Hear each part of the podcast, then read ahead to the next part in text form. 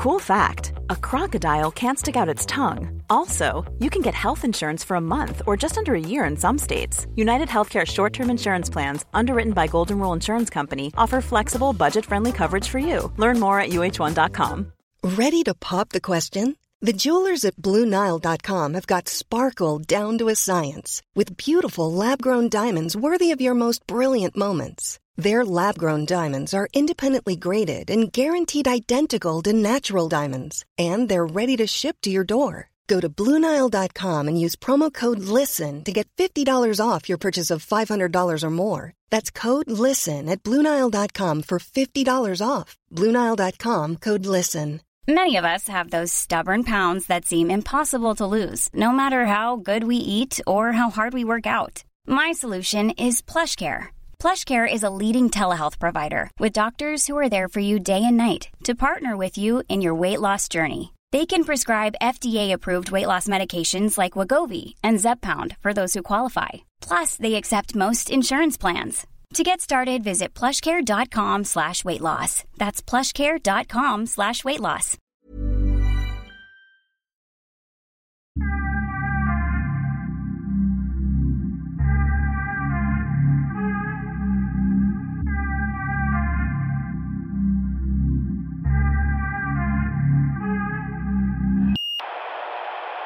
Vidar var hemma hos mig och hjälpte Vida? mig. Vidar. Vidar. Vidar. Vem är Vidar? Vidar är son till eh, Ted Magnusson. Och vem är Ted Magnusson? Ted Magnusson driver en målerifirma sedan 90-talet och Aha. han är så här målarmästare. Jaha, hur kom du i kontakt med Ted? Det var Vidar som tyckte synd om mig och då kom han själv eh, hem till mig Fick han igår. ordning på spacklingen?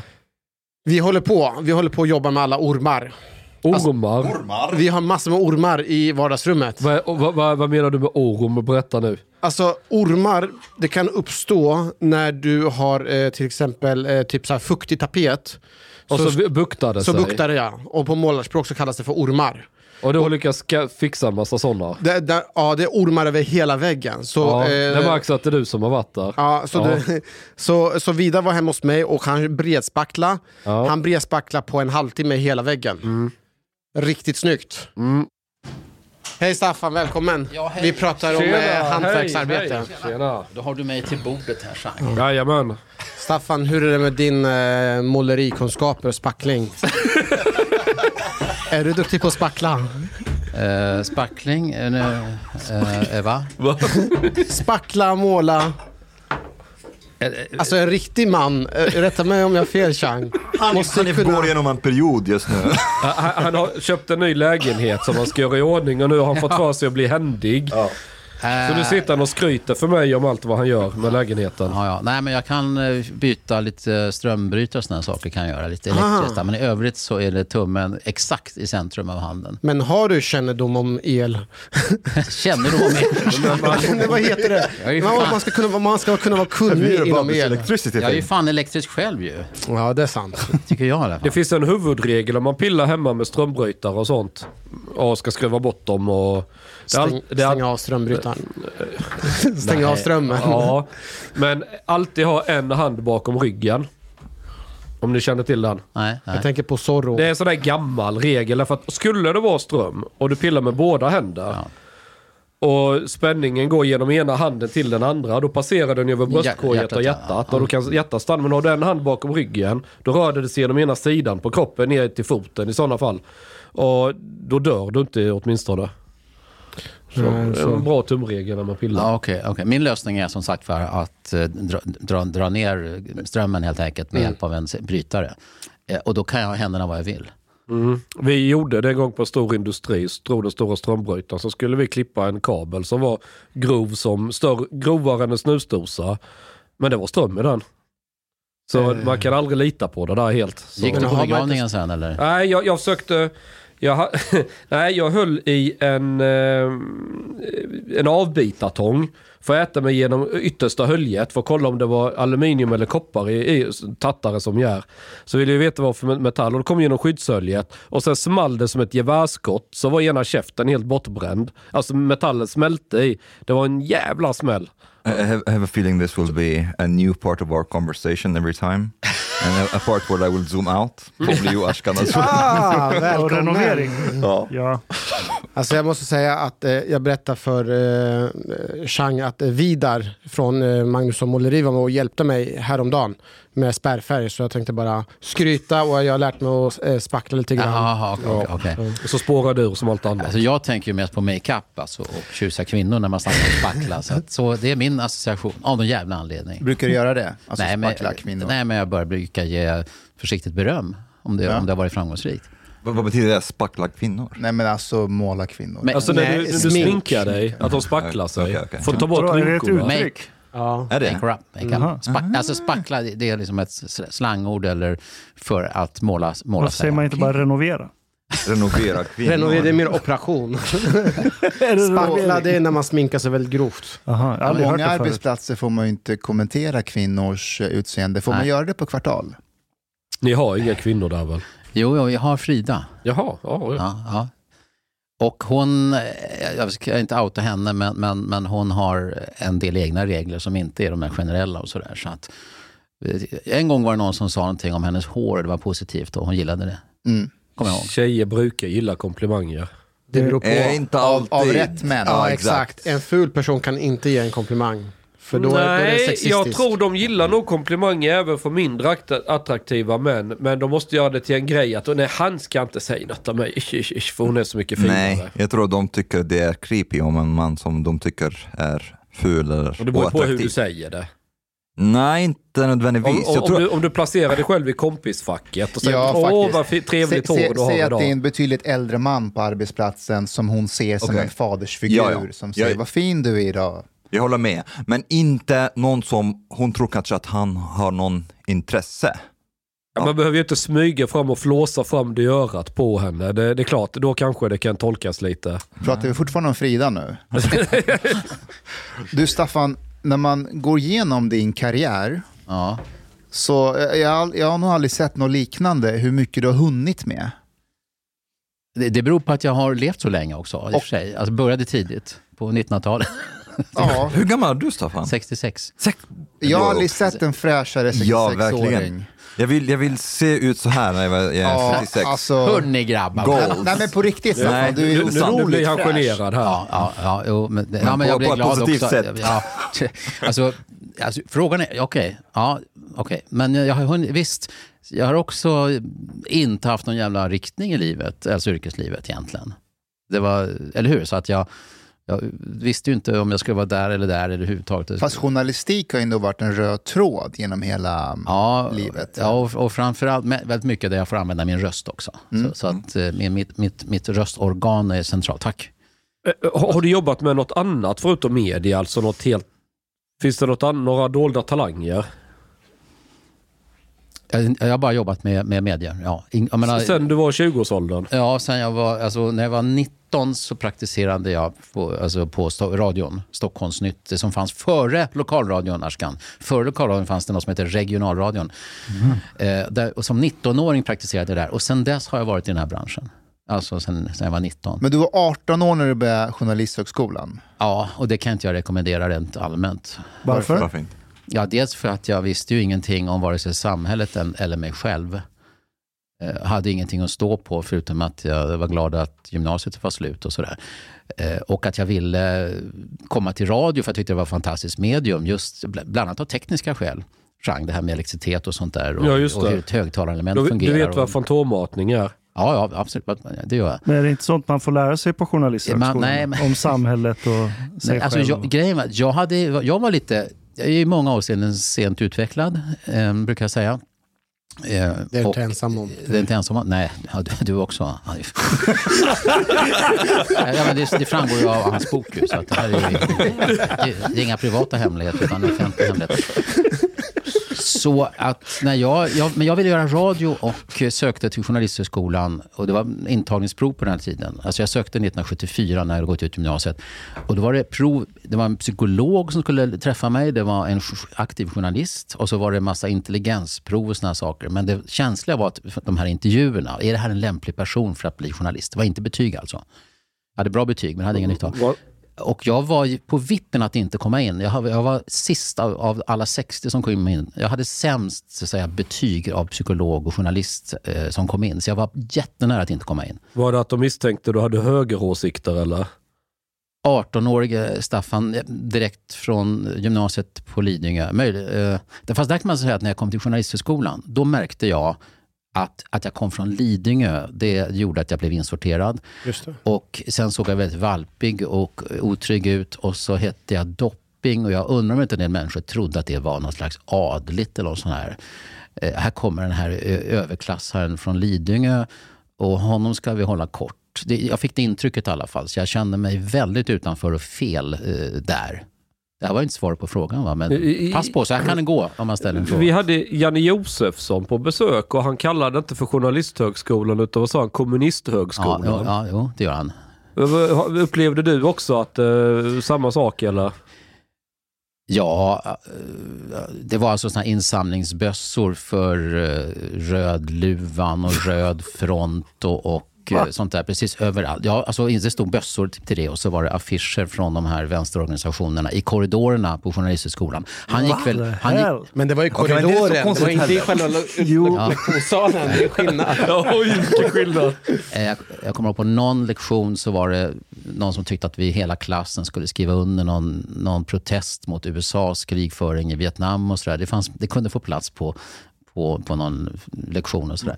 Men han gick väl i Göteborg, Jan Josefsson va? Mm. But, but now I have a question, like uh, why, it, it seems everyone is in agreement that the left has been very interested in journalism.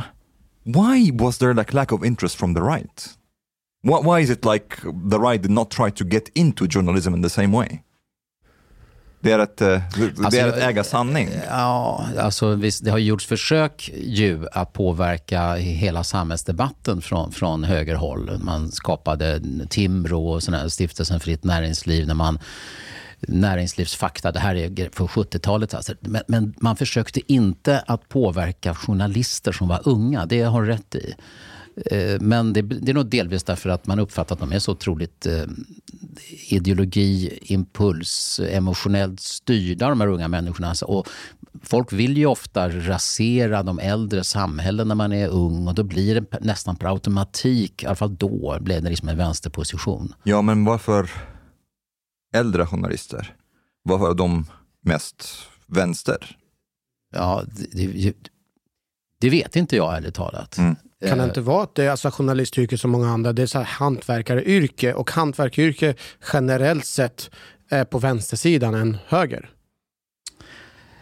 Det är inte många hantverkare. Ideolo ideologi har genetisk komponent. Så du, du är genetiskt, du kan genetiskt vara lagd och vara lutad mer åt vänster eller höger.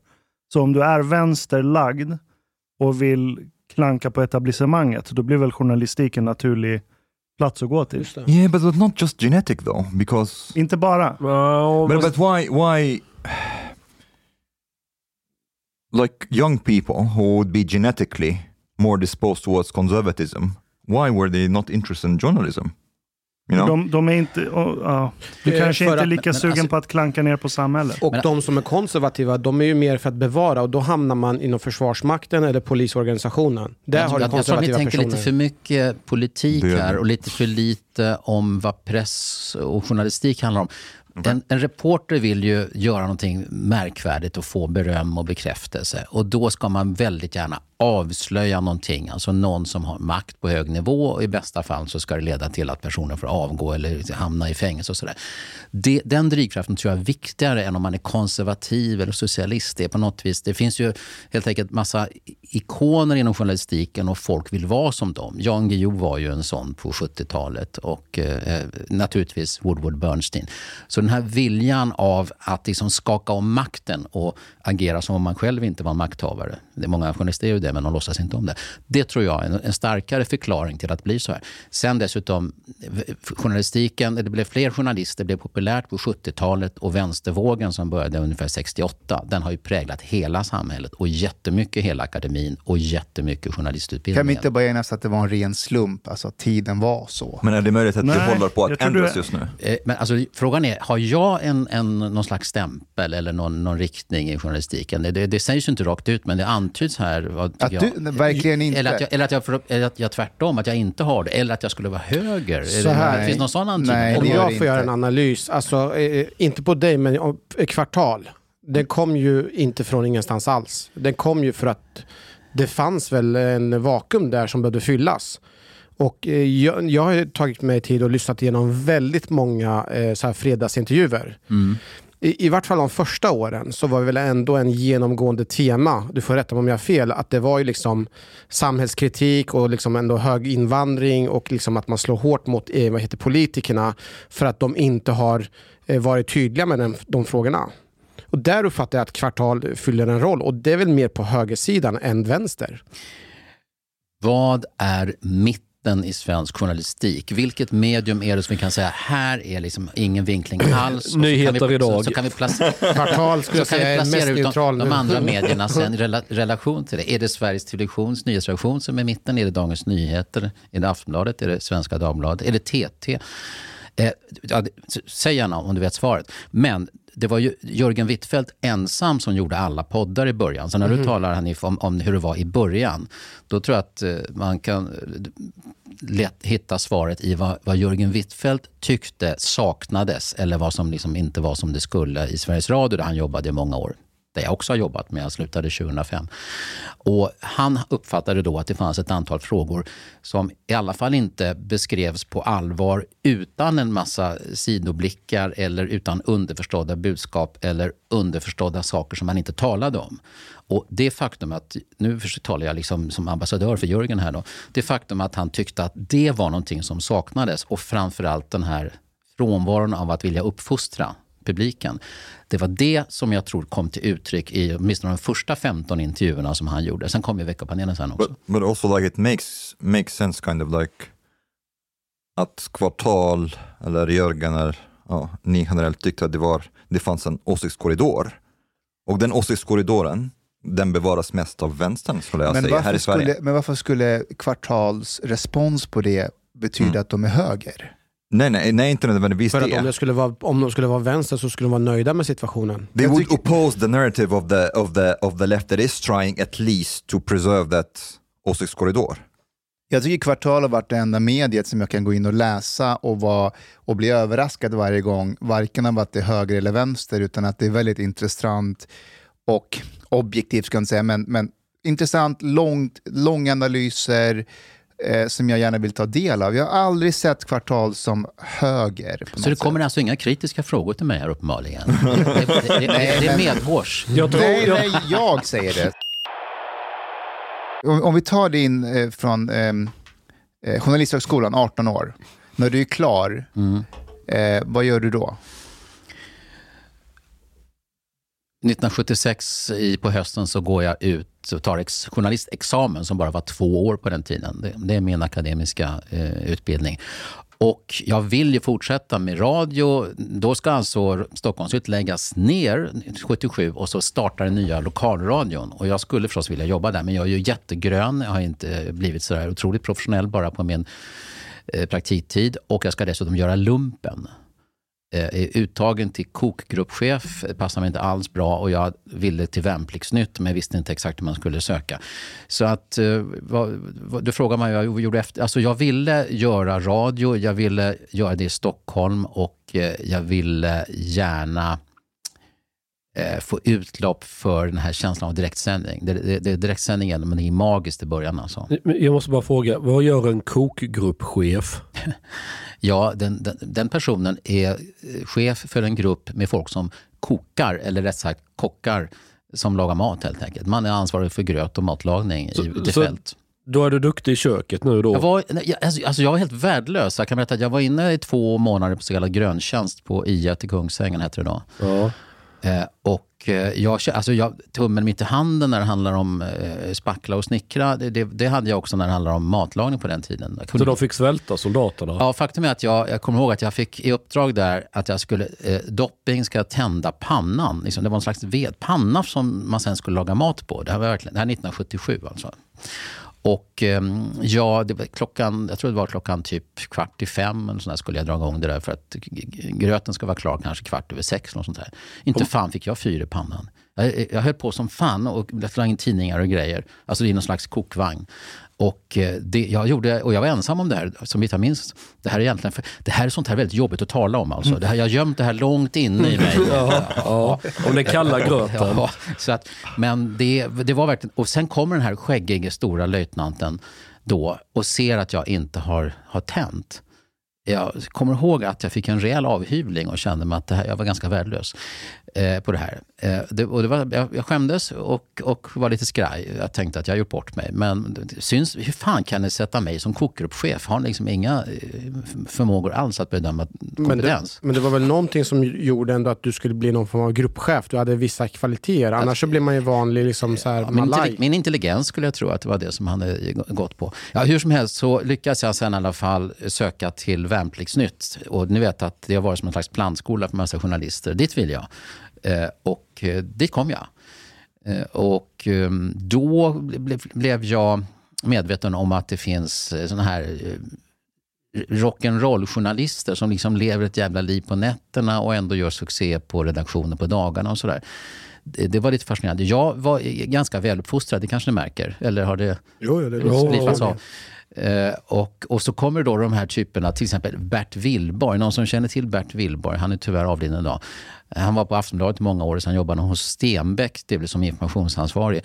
Han var USA-korrespondent en period eh, för Aftonbladet. Han är lika sam, född samma år som jag förresten. Eh, och han var alltså en riktig murvel av den gamla sorten. Han lyckades Samtidigt som han gjorde lumpen på Värnpliktsnytt så jobbade han halvtid på Aftonbladet. För han var redan anställd. Han var 22 år, hade redan jobb där. Så att han jobbade på nätterna. Eh, jag vet inte om han redigerade eller vad han gjorde. Va? Men han jobbade till, jag tror han jobbade mellan, fy, nej, mellan, fy, mellan fyra och åtta på natten. Sen kom han till lumpen. Sen kom gjorde han värnplikten alltså på dagarna efter att ha jobbat halva natten. Och han tjänade rätt bra då på Aftonbladet. Säger det mer om lumpen eller om Det här, Aftonbladet? det, här säger, det här säger Eller om honom kanske? om honom och, och att man alltså på 70-talet kunde alltså ha ett halvtidsjobb på en kvällstidning samtidigt som man gjorde värnplikten. Eh, sen hade han då vissa vanor, då, exempelvis att han tyckte att när vi tog lunch då på Värnpliktsnytt vid redaktionen, då skulle vi gå till en restaurang, pub Armborstet. Och han tyckte att eh, oxfilé, en stor stark och en sexa bäsk, det var, passade mig bra till lunch. Jag var, då var jag 22 då, men alltså, så jag fick ju en massa olika impulser om hur man kan vara journalist på olika håll. Men innan dess, innan jag var på Värn- Värnpliktsnytt, så hade jag lyckats få jobb som nyhetsuppläsare på tidningarnas telegrambyrå TT, som 21-åring. Det var jag som läste upp nyheten om att Elvis Presley var död. Är det så? Åh fan. Annars hade väl inte någon trott på det riktigt, men nu, gjorde jag det. Men Staffan, du har ju en, alltså, en en väldigt speciell röst. Den är ju väldigt len och fin. alltså, har det alltid ja, haft ja, det? men Mustafas då? Han, har- han, har nästan kanske, han var kanske intresserad.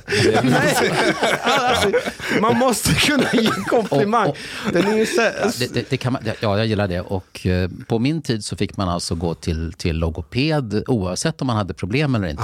Alla ska lära sig eh, att, eh, att hur rösten ska formas, hur andningen ska gå till och sånt där. Och hur man analyserar en text för att kunna betona och frasera. På Men inte sätt nu, eller?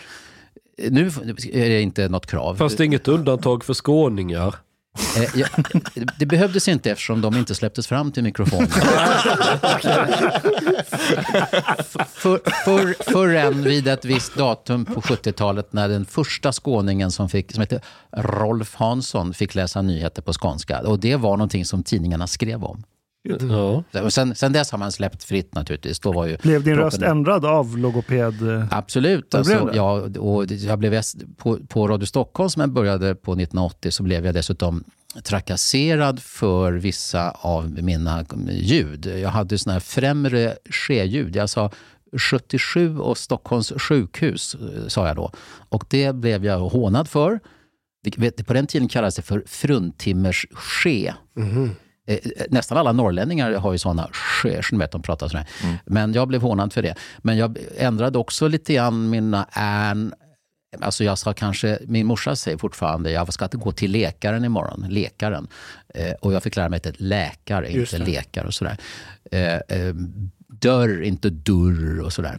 Men jag kom ju redan från Mälardalen så att det var inte så att man måste göra om mig helt och hållet. Men när det handlar om min andning och hur jag bygger upp eh, rösten så har jag alltså, nu tänker jag inte ens på det, men i, flera år gjorde jag alltså röstövningar och andningsövningar varje dag innan jag gjorde någonting i radio. Flera år. Så att, Men märker du att du, är det någonting du bara gör när du har en mikrofon framför dig eller ser du läkaren i privata sammanhang? Men jag säger på samma sätt nu. Mm. Och jag, jag, jag säger inte eh, kvinnor och såna saker. Jag, jag säger alltid kvinnor. Det måste man inte göra. Det är, det är inte fel att säga kvinnor. Jag, jag säger Jag- fruntimmer, men... Fruntimmor menar du väl?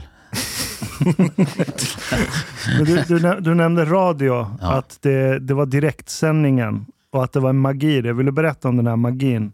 Ja, alltså jag var ju skitskraj för det första, även för att banda i början. Alltså mikrofonen, den där gröna lampan. Folk, det var alltid en grön lampa som tändes förr i tiden. Det har vi nästan slutat med nu. Va? Eh, jag, var, jag, var, alltså, jag hade mikrofonskräck i början. Så, så skrämmande var det. And, and, samtidigt hade jag den här otroligt starka eh, längtan efter att kunna fungera vid en mikrofon. Att det skulle låta okej ute i sändaren och så här. Men magin i, direktsändning, nej jag kan faktiskt inte förklara det riktigt, eh, Ashkan, vad det handlar om. Jag bara märkte i alla fall att stora delar av min nervositet försvann när jag väl var liksom ute i direktsändning. Kanske lite grann som att en del skådespelare faktiskt har, eh, har ångest innan de går ut på scenen, men sen händer det någonting va, när man får det här mötet. Jag fick ju någon slags kärleksaffär med mikrofonerna till slut. Och särskilt när jag var ute vi gör jättemycket direktsändningar från stan och jag var HF-reporter som man tar då. HF betyder high frequency, men det var, liksom, det var tekniken vi använde.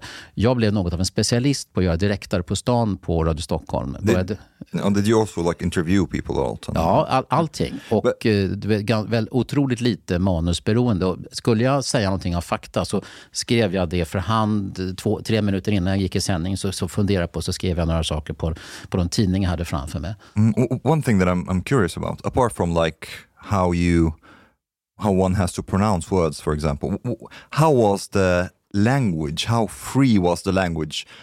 How much could you? Did you have to be like really proper with with the person that you're interviewing, or was there like more room for like joking or or like um, to to talk about like pri- um, to to say something that is like a bit considered too private now, improper to talk about? Do you understand what I mean? Det det är som att du frågar, som att Staffan var journalist på 1800-talet. Så hur, hur, hur var det? nej, nej, men well, Ah, the case Nej, changed. men du, det- du är inne på någonting Omar där. Och alltså, när man är ute i miljö, du står vid, vid Sergels torg eller du pratar med någon organist i, i Klara kyrka eller någon som just ska starta en springtävling i Ursvik. I den här miljön så tar man ju liksom, då, då försvinner de här liksom formella grejerna som man ofta gör när man befinner sig i, kanske i en lokal som signalerar att det ska vara högtidligt. Radiostudior förr i tiden kunde göra att, att det kändes som att herregud, jag är i ett slags laboratorium här. Det här är inte liksom ett vardagsrum. Nu försöker man ju lite grann i alla fall att få den här studion att, att se ut lite grann mer som ett vanligt rum. Och det, just för att man ska ta av sig de här formella kläderna.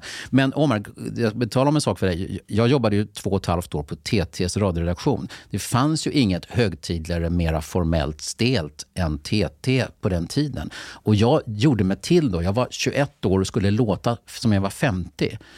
Jag försöker, alltså det är för att få, för, för trovärdigheten. Och, och, så att jag sa ungefär så här. Och det är dags för nyheter från TT. Statsminister Torbjörn Fälldin sa tidigare idag i riksdagen att Centerpartiet kommer att... Så där höll jag på. Eh, och det tyckte min chef då, Kaj Karlman, var bra för att det fick, fick inte komma ut att den här Dopping var liksom en 22-årig typ som liksom knappt var torr bakom öronen. Så att, och, och då, där sa man det och dem och vi sa till, så här att herr Fälldin sa vidare i debatten eh, varvid oppositionsledaren herr Palme genmälde och sådär. Eh, Så pratade jag på TT. Sen kom jag till Radio Stockholm där det var en helt annan kultur. Eh, Plus, all, plus att det inte var liksom nyhetstelegram och manus. Så jag har varit över hela den här informella, formella skalan. multiple personalities. Och, det, och, det, och du har ju sett, Mustafa, hur min konstiga karriär och så vidare. Det, det, jag håller med. Det är ju hela skalan från det mest seriösa, allvarliga på, på gränsen till formellt trista till totalt trams eh, och underhållning, eh, Lili och Susie och inte ett vettigt ord. because some, something that knowing you something that i hear sometimes and it makes me smile when i'm listening to to kvartal Ja. uh, that I, I kind of know your sense of humor. You have somewhat of a cheeky sense of humor. And sometimes I feel that you are trying to push that a little bit with the guest. And you're like testing, huh, is it like far enough or should I go a bit further? That makes me smile. Mm, ja, ja. Mm, jo, jo, absolut. Men hur många olika röster kan du göra? Nej, jag håller inte på att i- imitera... Ja, jo, det gör jag i och för sig. Alltså, jag mina barn hör ju det. Så fort det är någonting säger de kommer på radion så, så imiterar jag det och karikerar och hånar. Eh, är det det du menar? Du vill, men, Ja, om du, du, ny- nyss gjorde du ju en röst eh, när du ska låta eh, som en 50-åring. Eller, nu är det ju 66 förstås, men vet du vad, häromdagen så fick jag faktiskt nöjet att lyssna på när Henrik Jönsson imiterade dig, Chang. jaha. Jäklar vad han gjorde det bra. alltså, Ja, har ni, apropå det. Eh, var, vilket sammanhang var det? Ja, men han var ju med i, i veckpanelen eh, hos oss och vi brukar ha lite, lite AV ibland efteråt och sådär. Och hur vi kom in på dig har jag ingen aning om. Jo, men jag nämnde nog att jag skulle hit förresten. Ja, okej, okej. ja, och då fick han naturligtvis en del olika råd. Då. Jag kan faktiskt säga att, att, att Henrik har prisat dig vid flera tillfällen, Chang, och sagt att du är en, eh, kanske till och med, eller är en bättre entreprenör än vad han är och har sinne för eh, entreprenörskap bättre än vad han har. Det säger han bara att jag blåste honom på någon affär. Sen så, Mm. Men, Han, eh, han sa att du, du spelar flåbusen men du är egentligen en smart ingenjör. Jag tror att han sa ungefär. jag vet inte. någonting. Ja, jag, jag behåller hellre min bad boy-stämpel för då, Ja, det då har man inte förväntningar. Då kan man inte göra någon besviken. Du, en sak som jag har läst om dig var hur hur många turer du har haft fram och tillbaka hos eh, Sveriges Radio. Studio 1 bland annat. Mm, tre gånger har jag varit där. Hur lyckades du gå dit, lämna, gå tillbaka, lämna? Alltså, hade du, hur, hur gick det där till? Ja, första, jag var med och startade Studio 1 januari 93.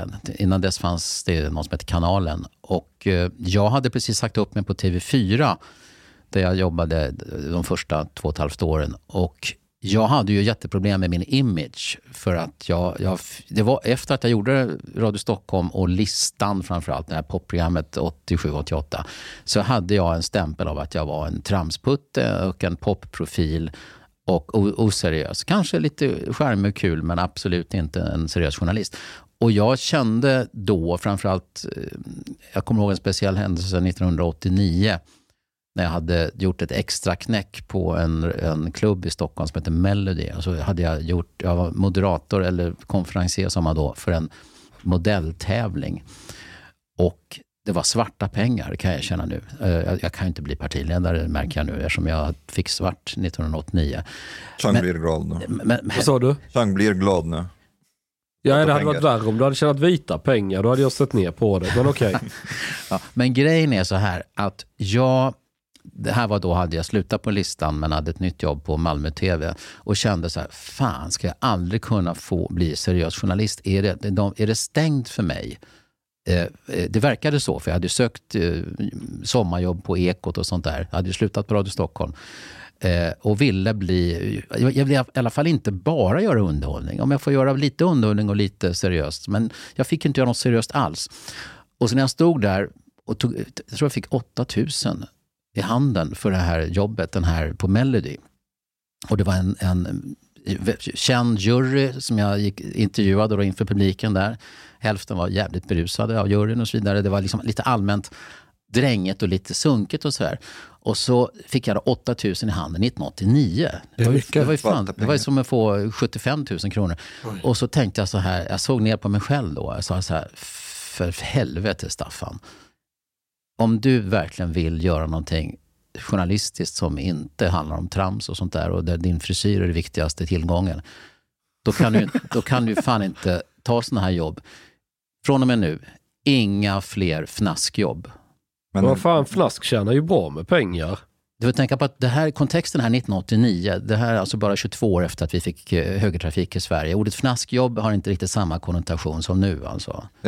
Är det svåra? det är ändå världens äldsta yrke så man får ju ha någon respekt för det tänker jag. Ja, Okej, men du får, ja, okej. ja, hur som helst. Jag ville så här. Jag tänkte att om jag ska stöpa om min image och bli en person som är respekterad för bra journalistik, då är, fördröjs förmodligen den processen om jag står på Melody här och gör den här typen av jobb. Eh, på, på kvällarna. Och ska jag då efteråt gnälla, varför fick jag inte liksom komma till Aktuellt eller, eller Samhällsprogrammet? Så att jag sa till mig själv då att nu, låt bli det här och försök överleva utan fnaskjobb. 1989 sa jag det här till mig själv, tror det var april-maj. Eh, och det här var då År, efter, året efter kom jag till TV4, eh, i och för sig. Eh, men som kultur och nöjesreporter. Det vill säga jag hade fortfarande stämpeln av att jag var liksom på den lätta avdelningen. Eh, men sen gjorde jag inga fler sådana här jobb.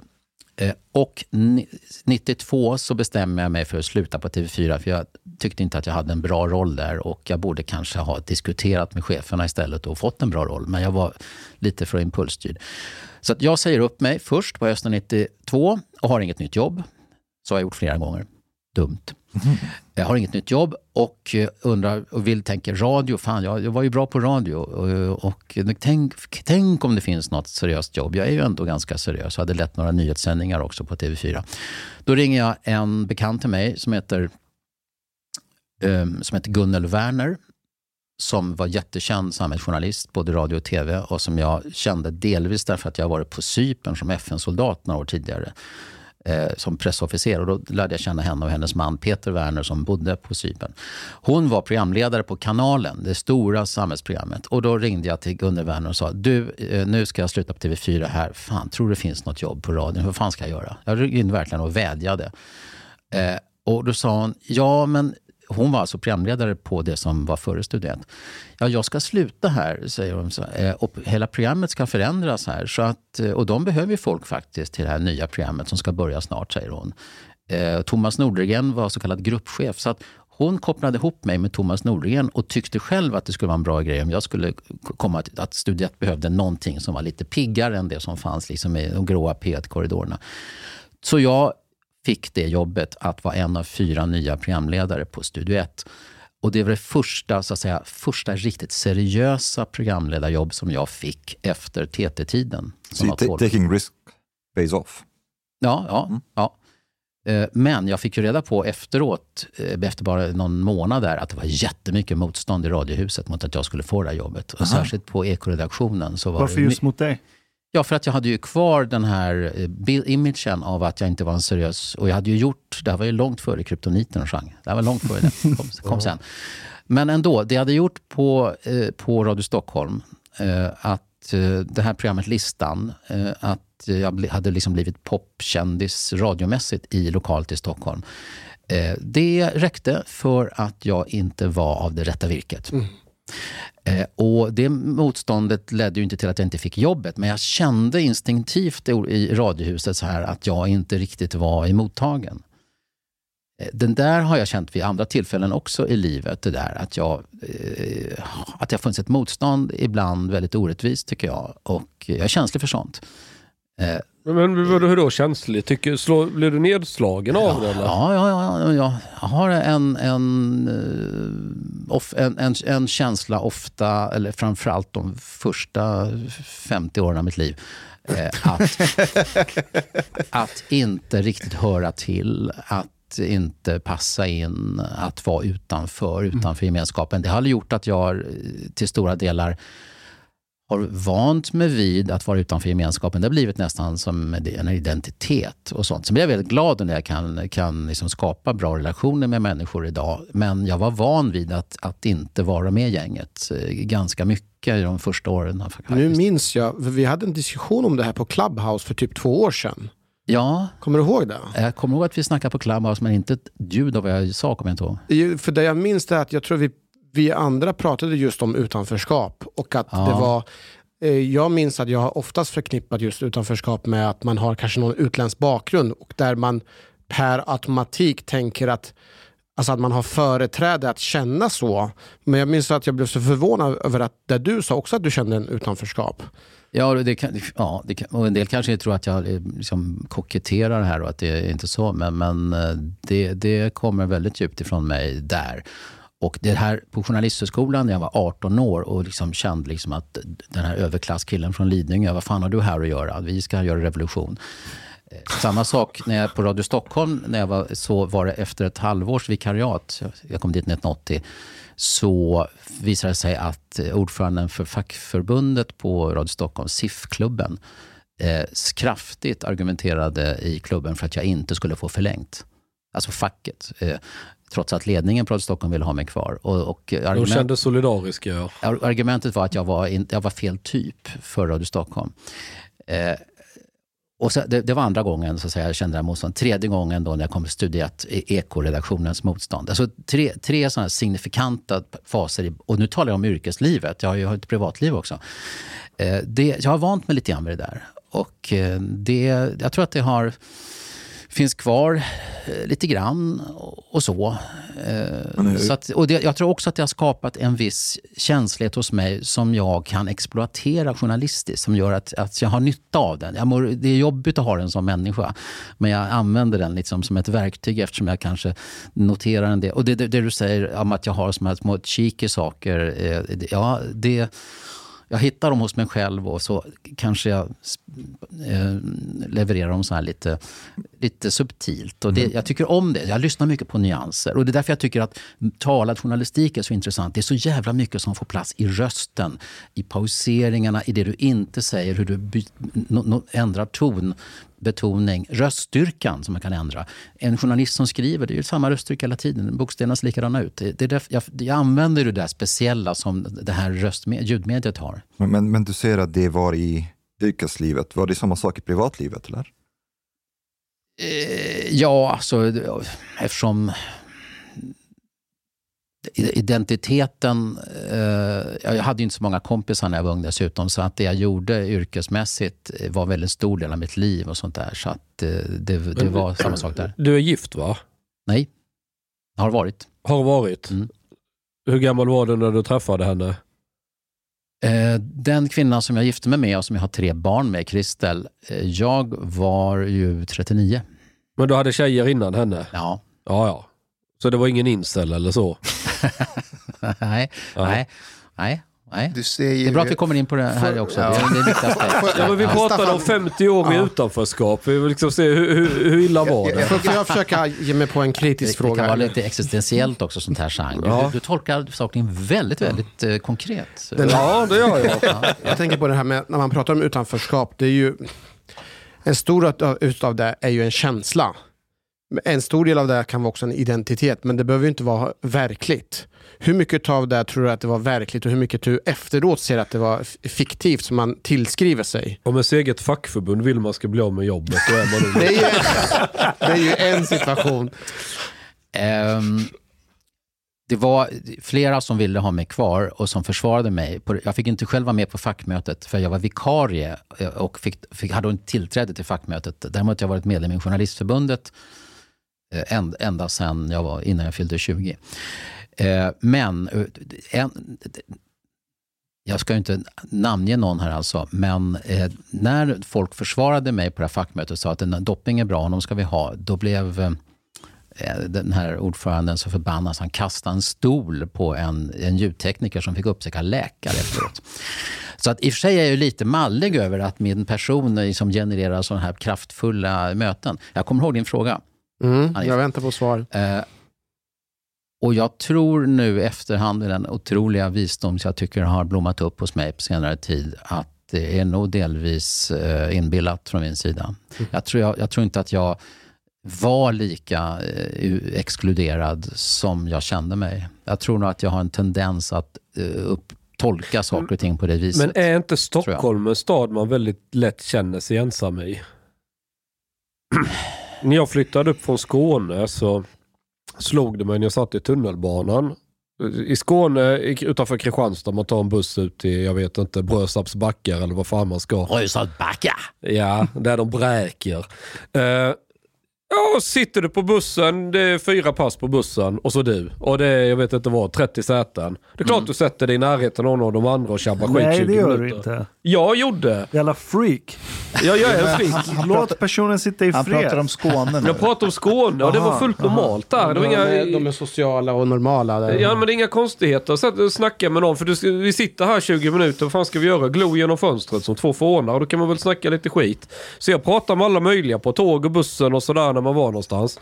Så kom jag till Stockholm, jag är ju likadan när jag är här. Då sätter jag mig på tunnelbanan och så börjar jag prata med någon som sitter mitt emot. Jag tänker, har jag ätit något konstigt och ryggar tillbaka? Luktar jag? Eller vad, vad är det med folk här liksom? Sen provar man och man märker det funkar inte. Folk blir livrädda för en. Ja. Och då helt plötsligt så är det som att man är omgiven av människor men man känner sig helt ensam. Liksom. Är det verkligen så i Skåne? Mycket Hur mer. ofta Och, kom folk och satt sig bredvid Ja, dig? men de verkar vara mycket mer sociala där. alltså jag, så, när, när jag kom flyttade till Kristianstad efter lumpen. Jag hade bott där i en studentkorridor en vecka. Efter en vecka var jag bjuden till typ tre olika hemmafester. Jag kände inte en käft där när jag flyttade dit. Det var verkligen bara åh någon ny idiot, ja men häng med oss här. Ja, så är det inte här i och för sig. Staffan, om jag får komma med en liten utmaning. Mustafa, eh, se ifall du håller med. Är det inte så att om man är liksom lite grann från ett finare områden inom citationstecken, citattecken med Lidingö, Östermalm och så, så, så finns en föreställning att man har det så mycket bättre. Men i det så kanske också finns att man känner sig väldigt ensam. Men jag och Mustafa vi var på konfirmationsläger och majoriteten av de här ungdomarna var ju från finare områden. Men, och vi hade ju massor med fördomar, jag hade massor med fördomar om dem. Men när vi satt oss ner och började prata med dem så var det väldigt många som kände sig ensamma för det fanns ju en massa föreställningar om dem, hur de skulle ha varit. Medan det, visade sig många Men fördomar som vad? Fördomar om att man är liksom från liksom finare området, man har det mycket bättre, man har per automatik en, en nära krets och umgås, att man har ett bra Man liv har och så alltid vidare. materiella... De är man- sådana som äter med bestick hemma och grejer. Ja, det kanske man har, men att det finns en otrolig ensamhet i det. Och att många känner sig ensamma, men det fanns inte ens någonstans ett forum att prata om. För man fick inte ens prata om det. Men, men ja, jag, jag vet inte det, hur det är med det, men alltså, jag bodde i en lägenhet på Lidingö. Visserligen ganska stor, men en lägenhet tre trappor upp i liksom ett flerfamiljshus. Eh, hade aldrig bott i en villa, eh, hade knappt varit i en villa när jag, liksom, när jag går i skolan. Men bara för att jag är från Lidingö så, så tror man då att, att jag är överklass. Eh, Så att, eh, Men det var gåslever till frukost hemma.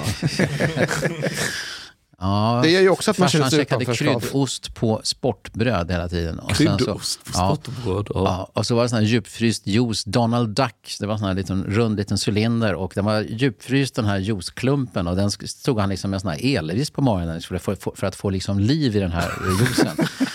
Eh, Så att, och, det, och, det var, och det var då 6.15 när jag inte hade gått upp än i, i rummet intill.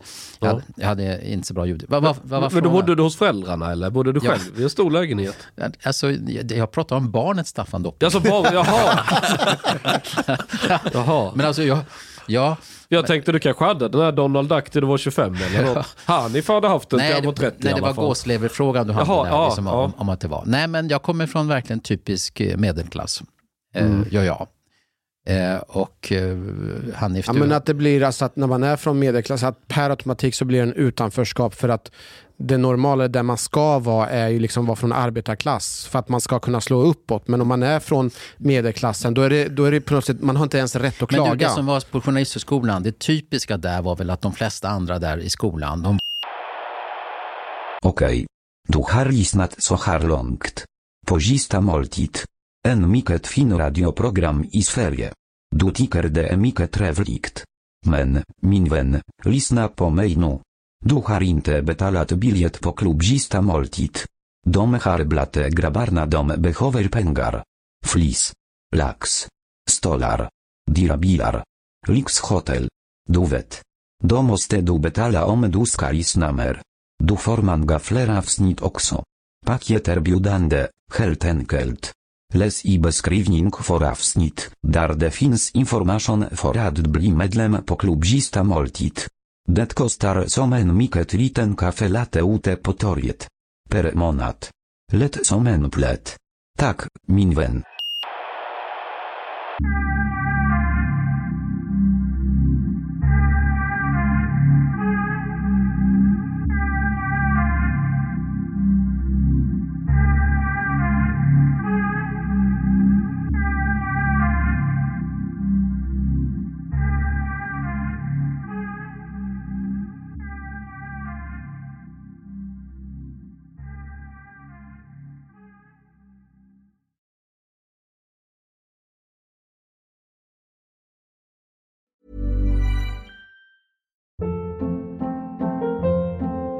Hold up. What was that? Boring. No flavor. That was as bad as those leftovers you ate all week. Kiki Palmer here, and it's time to say hello to something fresh and guilt-free. Hello Fresh. Jazz up dinner with pecan-crusted chicken or garlic butter shrimp scampi. Now that's music to my mouth. Hello Fresh. Let's get this dinner party started. Discover all the delicious possibilities at hellofresh.com. Imagine the softest sheets you've ever felt. Now imagine them getting even softer over time. That's what you'll feel with Bowl and Branch's organic cotton sheets. In a recent customer survey, 96% replied that Bowl and Branch sheets get softer with every wash. Start getting your best night's sleep in these sheets that get softer and softer for years to come. Try their sheets with a 30-night guarantee. Plus, get 15% off your first order at bowlandbranch.com. Code BUTTERY. Exclusions apply. See site for details. Planning for your next trip? Elevate your travel style with Quince. Quince has all the jet setting essentials you'll want for your next getaway, like European linen, premium luggage options, buttery soft Italian leather bags, and so much more. And is all priced at 50 to 80% less than similar brands. Plus, Quince only works with factories that use safe and ethical manufacturing practices. Pack your bags with high-quality essentials you'll be wearing for vacations to come with Quince. Go to quince.com slash pack for free shipping and 365-day returns.